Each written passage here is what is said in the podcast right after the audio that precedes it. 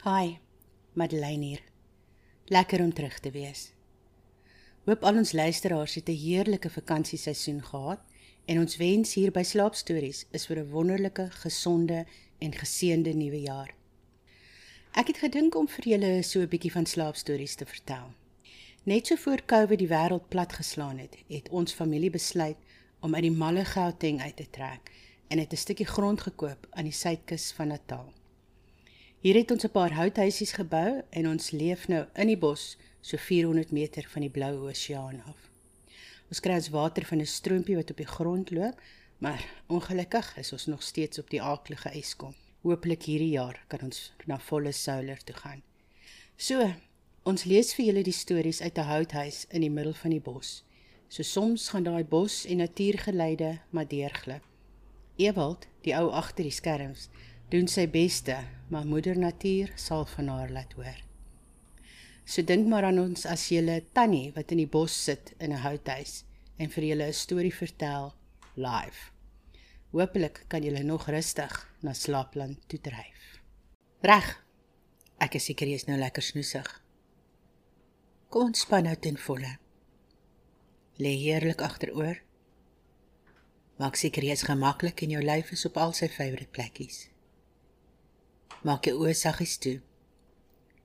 Haal 'n diep asem in deur die neus. Verbeel jou die lug is blink en skoon. Hou in vir 'n paar sekondes. En blaas uit deur jou mond.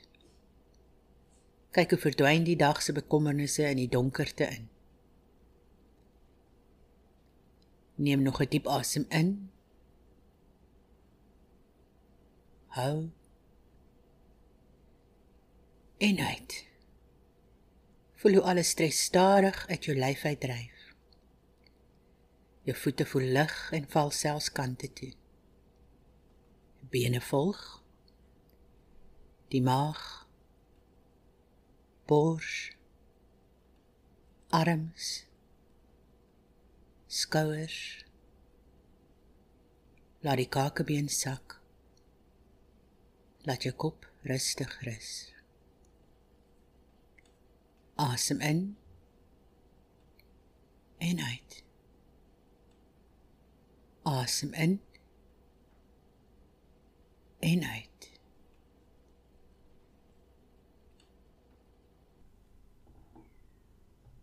Verbeel jouself jy's op die rand van 'n uitgestrekte oseaan. Hoor die sagte geruis van die branders wat aan die kus breek. En voel die fyn sand onder jou voete. Laat die sonlig sag op jou vel skyn. Terwyl jy na die horison kyk, waar die blou water en die helder hemel mekaar ontmoet. Stap stadig die water in. Voel die verkoeling rondom jou. En sien hoe die golwe sag teen jou bene kring. Laat die oseaan jou omhels. Soos 'n ou vriend wat jou terug verwelkom. Voel die sout water wat jou vel streel. Terwyl jy dieper in die helder blou water inbeweeg. Begin stadig te dryf op die water.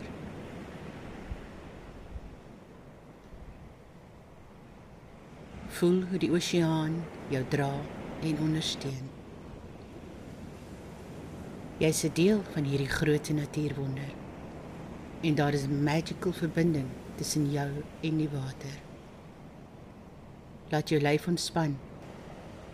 Dryf op die oppervlak en wees een met die beweging van die golwe. Terwyl jy dryf, Neem 'n oomblik om die geluide van die see te waardeer. Die kalme golwe. Die roep van die seemeeu. En die wisselende klank van die branders. Dit is 'n simfonie van die natuur wat jou gemoed kalmeer en jou in harmonie laat rus.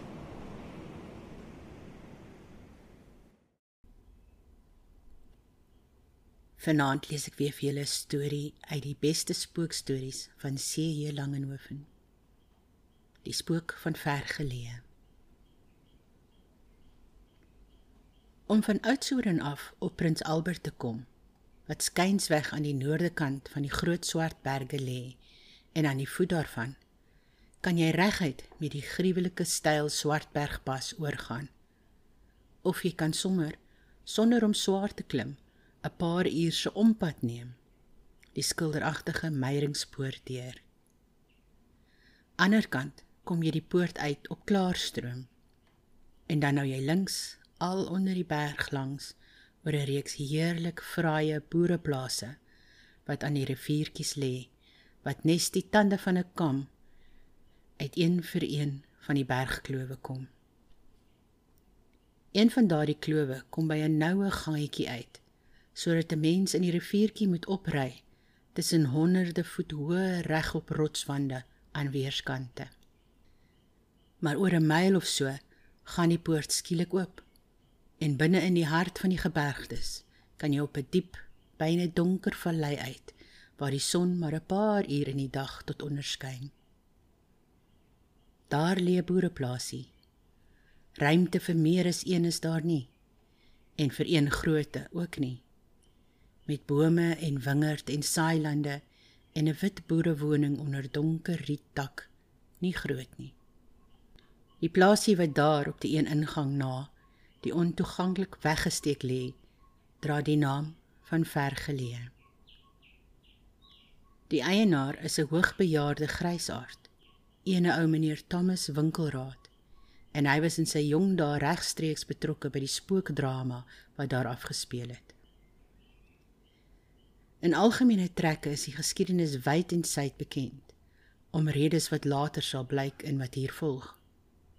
Die leser sal wel ook al daarvan gehoor het, maar in die loop van die lange jare, ten minste 60, is dit begryplik dat daar 'n klomp legendes by die storie aangegroei het. En op ander plekke is daar weer belangrike dinge verlore gegaan. Om dan die suiwere besonderhede van die gebeurtenis uit die eerste hand te kry, het ek enige maande gelede my reis na Prins Albert onderbreek. My motor op die onderplaas aan die hoofweg by mense gelaat en by hulle 'n perd geleen en die nag gaan oorbly by ou Thomas op vergeleë tussen die berge. Natuurlik het hy my ontvang met die bekende ouderwetse boere gasvryheid. 'n Skraal ou kereltjie met eilbaartjies, sneeuwwit, 'n hoë intellektuele voorkop en daaronder 'n paar donker oë, donkerder teen die wit wat in 88 jaar nog nie hulle vuur verloor het nie. Die ou man stap regop en fliks en die harddrink wat hy gee gee is vastig. Sy verstand is helder, sy geheue beter as myne. Soos die leser sal sien, was daar geleentheid vir my om agterna te kontroleer wat hy my vertel het uit 'n bron van onafhanklike en onbetwisbaar is en nie by 'n woord het ek gevind dat sy herinneringe hom mislei het nie. Kort gesê, die ou boer van die ou soort wat hy laas besig is om tot die laaste enkele oorblyfsels toe uit te sterwe. Ek hoef nie die ander huismense te beskryf nie. Die ou tante is vet en kalm en vriendelik opgeruimd, maar sonder baie woorde. Daar is 'n seun en sy vrou in die huis met 'n snel op mekaar volgende opklimmende reeks van die derde generasie. Die aand na ete en na die huisgodsdiens het ek ver langs begin en verneem hoe lank die ou man daar woon en wie van my lewe die oorspronklike aanleer van die plaas was. Toe maar Corneels, val hy my met 'n lag in die rede. Jy hoef nie by my met planne aan te kom nie. Ek weet jy's agter die spookstorie en ek weet wie jy is. Jessie, daardie skoondogter, het vir my en die tante jou sonde met die bure voorgeles en dit was vir ons 'n genot op ons ou dag. Maar jy kan lekker lieg. Hoor nou, die storie wat jy nou van my sal kry, kan jy net soos hy is oorvertel sonder om uit jou verbeelding dinge by te maak. Hier volg dan nou ou Thomas Winkelraad se verhaal soos hy my dit die aand daar in die einste spookhuis gesit en vertel het. Ek het nie bygesit nie en so na as ek kan onthou, het ek nie afgetrek nie. Natuurlik kan ek nie sê dis oral die ou man se juiste woorde nie. Ek het dit nie in snelskrif afgeneem nie. Ek wens ek kon dit gedoen het. Sy Afrikaans is keurig as myne. Daardie ou mense terloops gesê het nie verniet hulle lewe gewy aan die intensiewe studie van die beste letterkundige boek in die wêreld en al die ander op sy gelaat nie.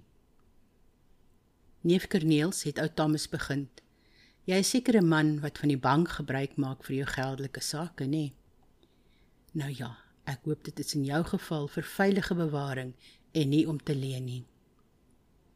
En die dae wat verby is en voor die nuwe tyd van Kaal Jakkalse met pronksterte, kon jy by 'n man geld kry en dit was by hom in die huis.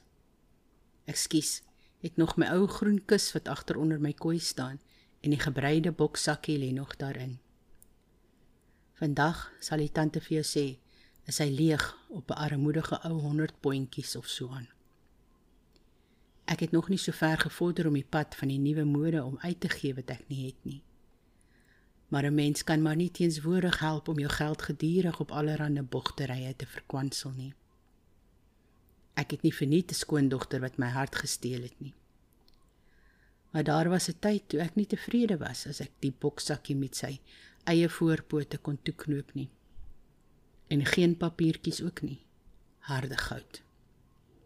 Maar neef, daar lê hier op die bergplaas ergens begrawe meer goue ponde as wat ek ooit in my lewe bymekaar gesien het. As 'n mens maar viswaar. Ousias van der Mele wat voor my die eienaar hier was, het die kuns verstaan om weg te steek. Ek het gesoek. My seun het gesoek. Ander het voor ons gesoek, soos jy sal hoor. Maar die geld bly onverstoord lê soos die baas daarvan in sy graf. Ou Seyas was skatryk, maar hulle alleruitse ou gierigaard wat nie 'n daler kon uitgee nie of hy lê 'n week daarvan siek. En hoe ouer, hoe meer agterdogtig het hy geword teen die laaste mens op aarde totdat hy sy plase oral rond verkoop het en hier in die swaalnes kom wegkruip het. Net soos ek, sal jy sê, maar toe was die onderste plase nog sonder mense. En toe nog het hy nie sy geld in sy huis gehou nie, maar dit erns begrawe. Ek wonder wat die om alles vandag help waar hy ook mag wees.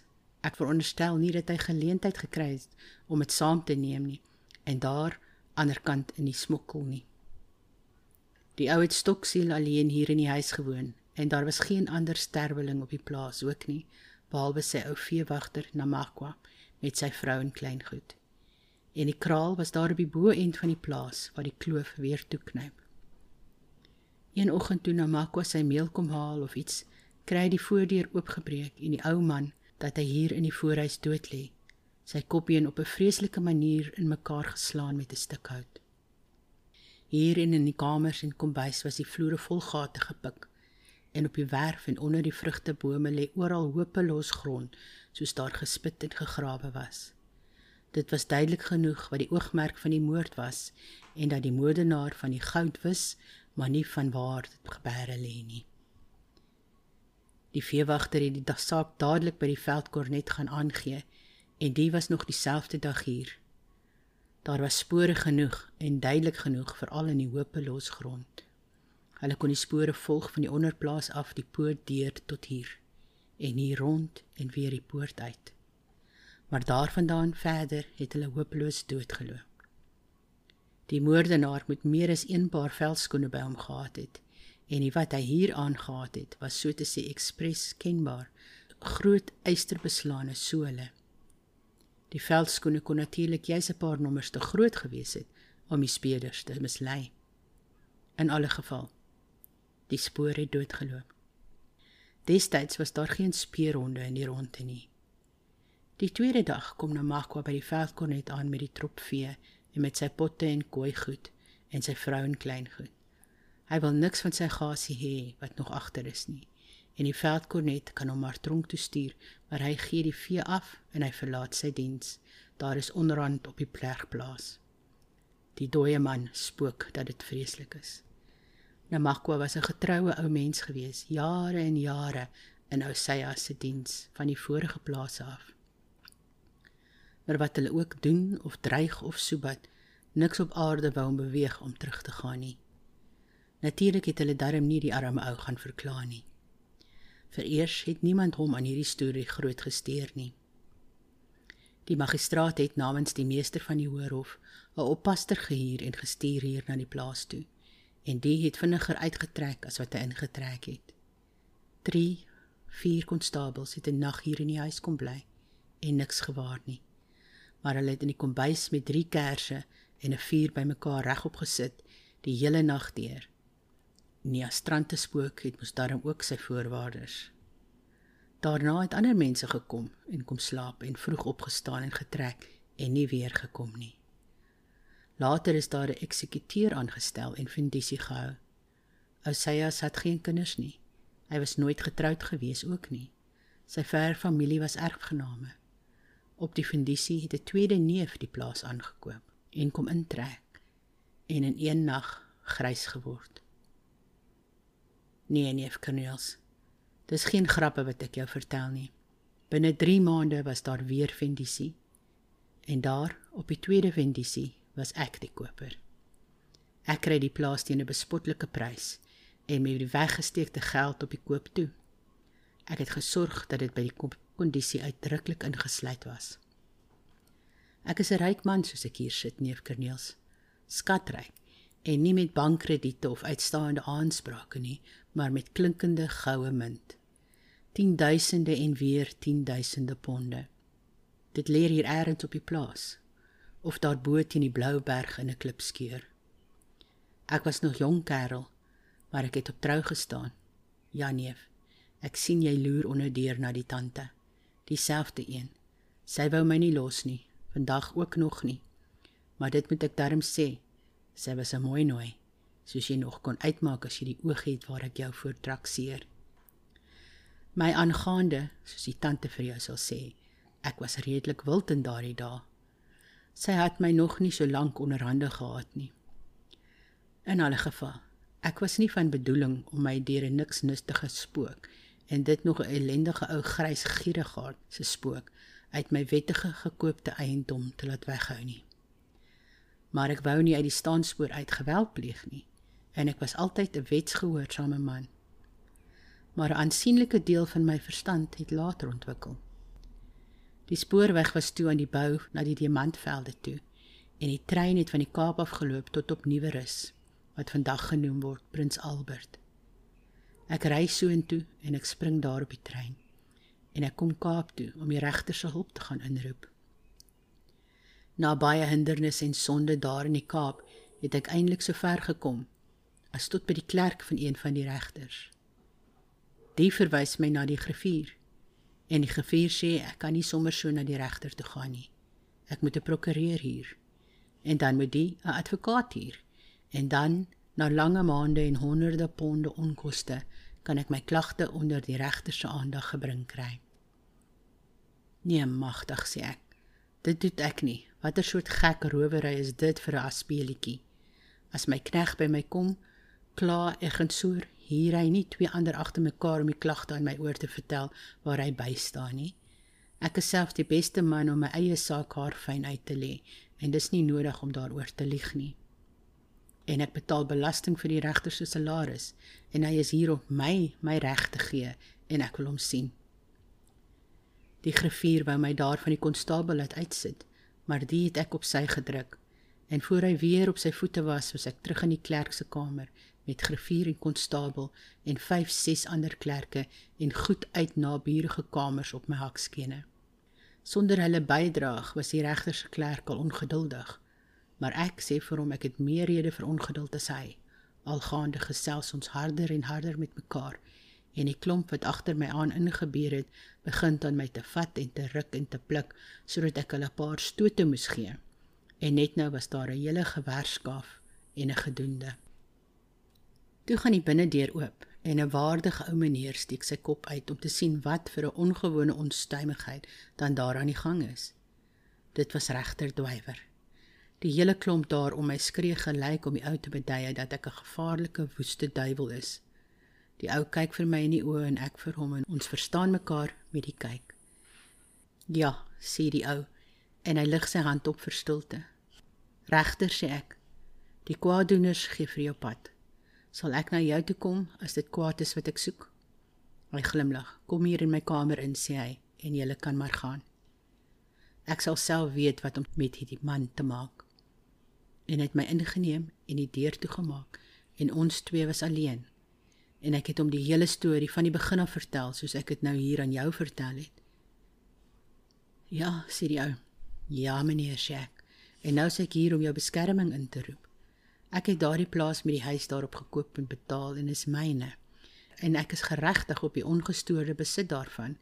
Daar is so iets as reg en wel in hierdie land.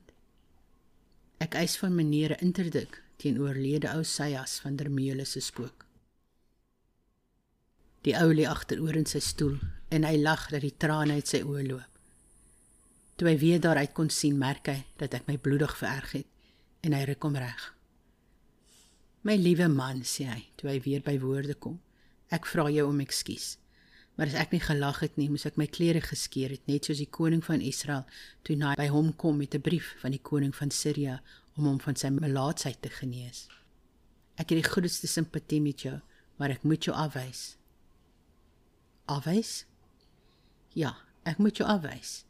Oor die inwoners van daardie wêreld waar jou grief vandaan kom, het my hof geen gesag nie.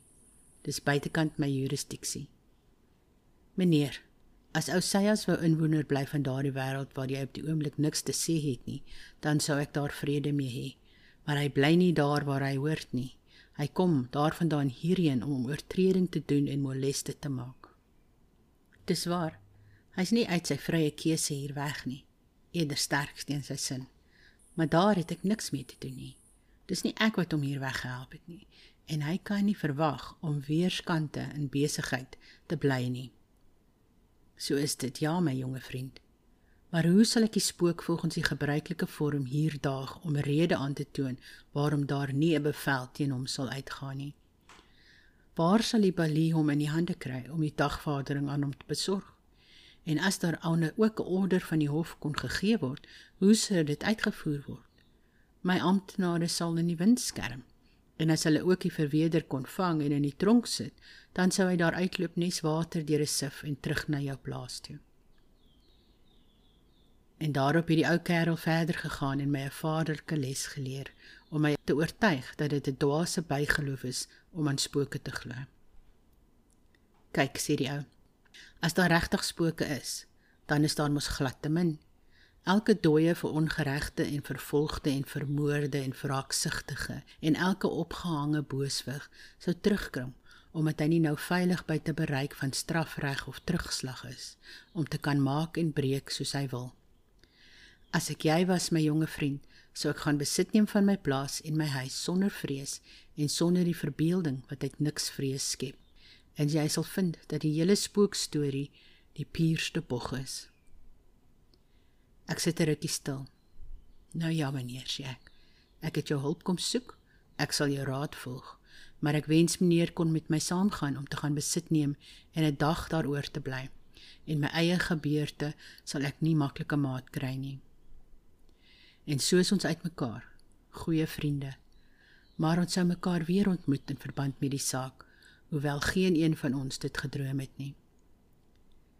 Soos ek verwag het, kon ek geen maat kry toe ek in my tuiswêreld terug was nie. Nou ja, ek sou dan maar op myself staat maak, want ek was nou eenmaal gedetermineerd om my huis en my plaas in besit te neem. Nee, een maat kon ek darm gekry het. Die tante het gedwing ek moes wag tot na die troue en dan sou ons saam intrek. Ek sê vir jou, sy was 'n nooi duisend en vandag nog is hy sommer 'n vrou nie. Maar ek het verseg om die naam te dra dat ek agter 'n vroumens se rokke weggekruip het vir ou Seya se spook en my bruid in 'n huis ingeneem het wat ek nie vooraf kon sorg dat hy pleis was nie. Toe ek dan te perd hierheen gekom. Ek alleen met 'n bondel waterkersse en 'n bondel kos en my geweer. Op die geweer kon ek vir alledaagse doeleindes staat maak, maar ek het geen helder begrip hoe 'n mens 'n spook met 'n koel kon beskadig meer as wat jy 'n rookdamp of 'n skaduwee kan stikkend skiet nie. In alle geval, 'n geweer is 'n ding wat jou vertroue gee.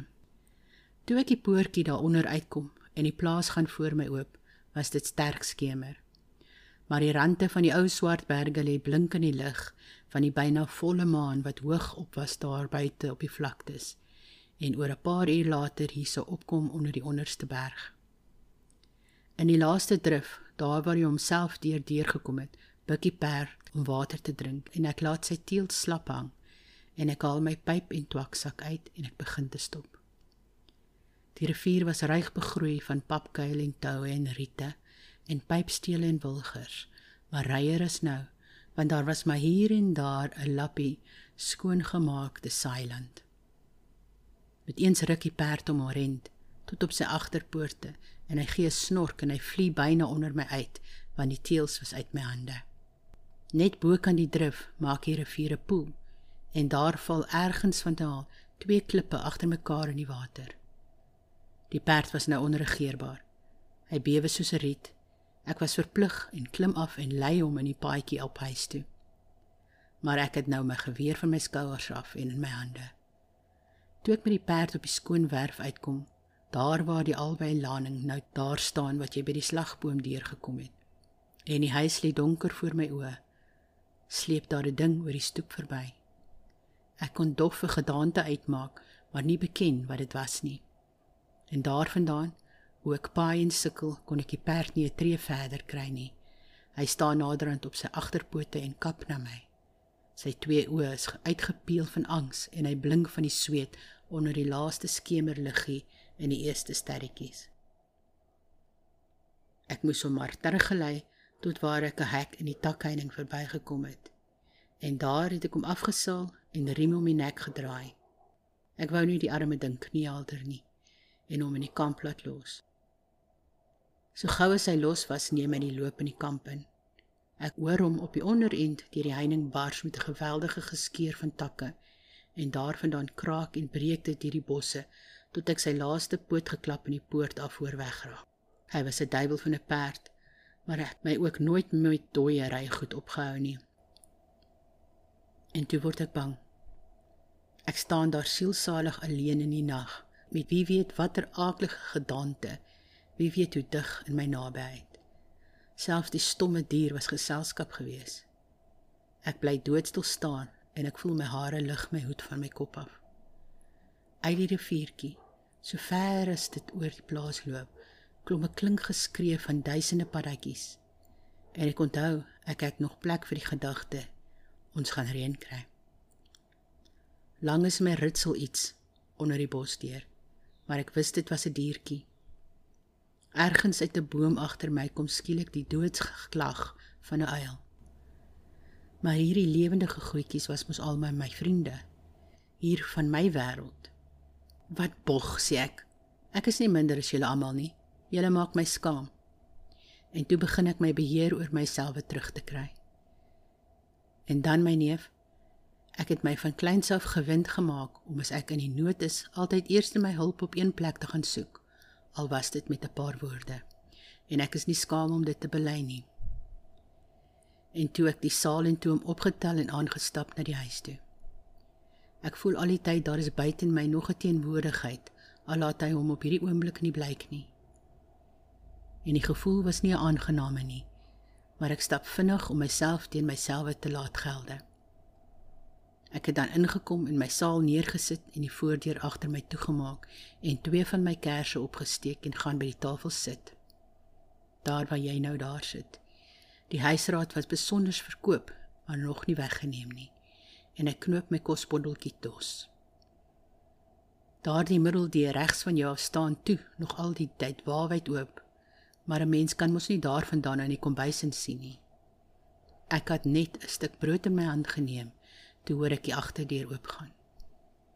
1 2 3 voetstappe in die kombuis en die agterdeur word weer toegemaak. En toe stilte. Ek vlieg op en ek staan met my geweer aangelê teen die muur, weg van die deur af, daar by die muurkassie. Die ding se mos nou daar by die deur uitkom, hier in die voorkamer in. En ek het gestaan en gestaan, maar daar kom niks. Ek hoor ook niks verder uit die kombuis nie. Naderhand word my arm so moeg dat ek die geweer laat sak tot by die grond. En toe voel ek Ek sal die spanning nie langer kan uithou nie. Dit sal my mag breek. Ek moet op een of ander manier end aan hierdie toestand maak. Met die verset van wanhoop roep ek al my wilskrag bymekaar en voor ek tyd kry om weer te bang te word, gryp ek een van die kersse en spring by die middeldeur in. Ek sien die vuurherd met die potte daarop, 'n rak met skottelgoed, 'n tafel en 'n bankie, die gewone kombuisgereedskap. Verder is die kombuis leeg. Daar is geen ander deur nie as die middeldeur wat ek ingekom het en die agterdeur. En die is nog toe. Die venster se wervel is van binne op. Ek sit die kers op die tafel en ek maak die agterdeur oop. Wervel op die onderdeur. Die bodeur het 'n gewone slot. Toe ek buite kom, kyk die maan se blink gesig oor die onderste berg en sy lig lê silwerwit oor die werf. Daar is niks wat roer of beweeg nie. Die wêreld slaap. Ek gaan maar weer in. En toe ek die agterdeur agter my toemaak, hoor ek gaan die voordeur oop. Ek spring terug binne toe, toe ek by die middeldeur inkom in die voorkamer, gaan die voordeur voor my toe. Daar is weer niks te sien nie. En toe dog ek ek gaan nou buite rond kyk. Hierdie ding gee dan al pad. Hy's banger vir my as ek vir hom. Ek het eers om die huis geloop en skielik by 'n hoek omgevlieg en weer agteruit. Maar ek kry niks. Toe stap ek oor die werf af en net bo kan die sloot kom ek op een van die hoppe groot uit. Ek skop daarin en die grond was vir my snaaks los, asof dit vars was. Die graaf lê langs die hoop. Ek tel hom op en sien die klei wat aan die plat vasgekleef het, is nog nat. En toe draai ek om huis toe. Die spookgeheim was klaar opgelos. Klaar blyklik was dit die modenaar wat al die tyd nog besig was om na die begrawe skat te soek en hierdie spookspeletjie aan die gang hou om ander mense weg te verskrik sodat hy ongestoord sou gelaat word. Toe ek weer in die huis kom, het ek die kersse doodgemaak om self onsigbaar buitentoe te kan sien. Maar natuurlik het die spookman dit nie gewag om toe deur die maanlig na die donker huis toe aan te kom nie. Nou ja, daar sou môre tyd wees om hom te soek. Toe het ek op my gemak my stukkie kos geëet voor die venster in die maanlig en daarna op die rusbank gaan lê. Hy het net daar gestaan waar myne nou staan om maar te slaap want ek was moeg van die lange dag se ry en die nag se gedoente. Ek lê so ewig gerus op my sy met my wang op my plat hand om my pyp eers klaar te rook. En ek lê so en dink, waarom het die slegte vent nie stil gebly en gewag tot ek aan die slaap was en my maar ook vermoor nie. Maar natuurlik as daar 'n tweede moord plaasgevind het, sou die mense mos sy spookspeletjie deurgesien het. En toe ek so ver was, klop ek my pyp uit. Met die uitklop val my oog op die langwerpige plaat maanlig wat deur die venster kom en op die vloer lê. Dit was net daar 'n dowwe troebelrigheid in die lug kom of net 'n rookwolkie, maar met 'n fasoen. Die wolkie word al digter. Aanstans lê daar 'n mens se gedaante, maar ek kon die stoelpote dwars deur hom sien aan die ander kant teen die muur. Sy klere en sy hande en voete en sy kop word meer en meer helder. Hy sukkel stadig op tot hy staan en hy draai na my toe. Ek kyk in die gesig van 'n dooie. Maar sy een oog is oop en hy kyk in myne vas. Die ander is stikkend en die hele een kant van sy kop pap geslaan en rooi van die bloed. Is 'n grysaardse gesig en met 'n sterk karakter wat jy ook van 'n vrek mag sê, hy's nooit 'n papbroek nie. Ek sien toe die gestalte net so duidelik as wat ek jou nou hier voor my sien. Maar al die tyd sien ek nog dwars deur om die muur en die kusyn van daardie kamerdeur aan die ander kant, soos wanneer 'n mens op die helder dag deur die ruit van 'n venster van buite af inkyk en jou binne sien, maar daarom die ander goed in die kamer deurkom. Ons kyk mekaar 'n ruk so vas in die oë. En nou was daar by my nie die minste vrees nie. Eerder was daar 'n halwe gevoel van ingenomenheid. Nou het ek ook 'n spook gesien en 'n onbetwisbare egte. Vir die verspotte namaaksel was ek bang geweest, soos 'n mens. Ek sien in jou oë neef Kerniels, jy sit en dink ek het aan die slaap geraak daar op die rusbank en van die spook gedroom. Wag, en jy sal anders dink. Die genaante skud sy kop en hy wink met sy hand ek moet daar bly lê. Ek hoef nie bang te wees nie. En toe gly hy eenkant toe weg en hy verdwyn deur die toedeur. Dit duur 'n minuut of so. Toe bars daar van die bome se kant af op die onderend van die werf die verskriklikste angskreet los wat ek ooit uit die keel van 'n mens gehoor het. Kort daarop hoor ek voetstappe aangehardloop kom. 'n Man val met voordeur en al die voorhuis in dat hy slot en wervel so spat. "Help, help!" skree hy. Oseas is agter my en in dieselfde plaat maanlig waar die gedaante sy eerste verskyning gemaak het, slaan hy neer. Flou. Ek het hom eers sorgvuldig gebind met my toom en buikgord en toe by die sloot gaan water haal om hom te lawe. Die gedaante het nie weer opgedaag nie en tot vandag toe nie. Sy werk was afgedaan. Dit was regter Dwywer wat 'n 3 maande later op die rondgaande hof op Beaufort Wes vir Willem Welper tot die dood veroordeel het. Op sy eie bekendtenis het die polisie sy spelonggrot in die berg gekry wat hy vir sy slaapplek gebruik het om nie op die plaas gevang te word nie. Onder andere het hulle die oorspronklike groot velskoene met die eysterbeslag daar gekry. As kaneels verder belangstel, kan jy die argiewe van die hof eendag naslaan. Na afloop van die hofsitting het die regter my laat roep om hom te groet. Darm jurisdiksie gekry, nê? sê die ou met die glimlag wat ek onthou. Ja, regter, hoor die een. Vir die ander is dit nie nodig nie. Jou uitspraak wat jy my daar in die Kaap gegee het, was half reg en half verkeerd, maar sy uitwerking was heeltemal reg. Sal regter nie eendag by my kom kuier op vergeleë nie. Die spooke is weg, maar die skat is nog daar. My jonge vriend, onthou jy die ou fabel? Grawe die plaas om en jy sal die skat vind in die vrugbaarheid van jou eie oeste. En daardie skat het ek gevind. Genoeg vir my en my kinders. Lekker slaap.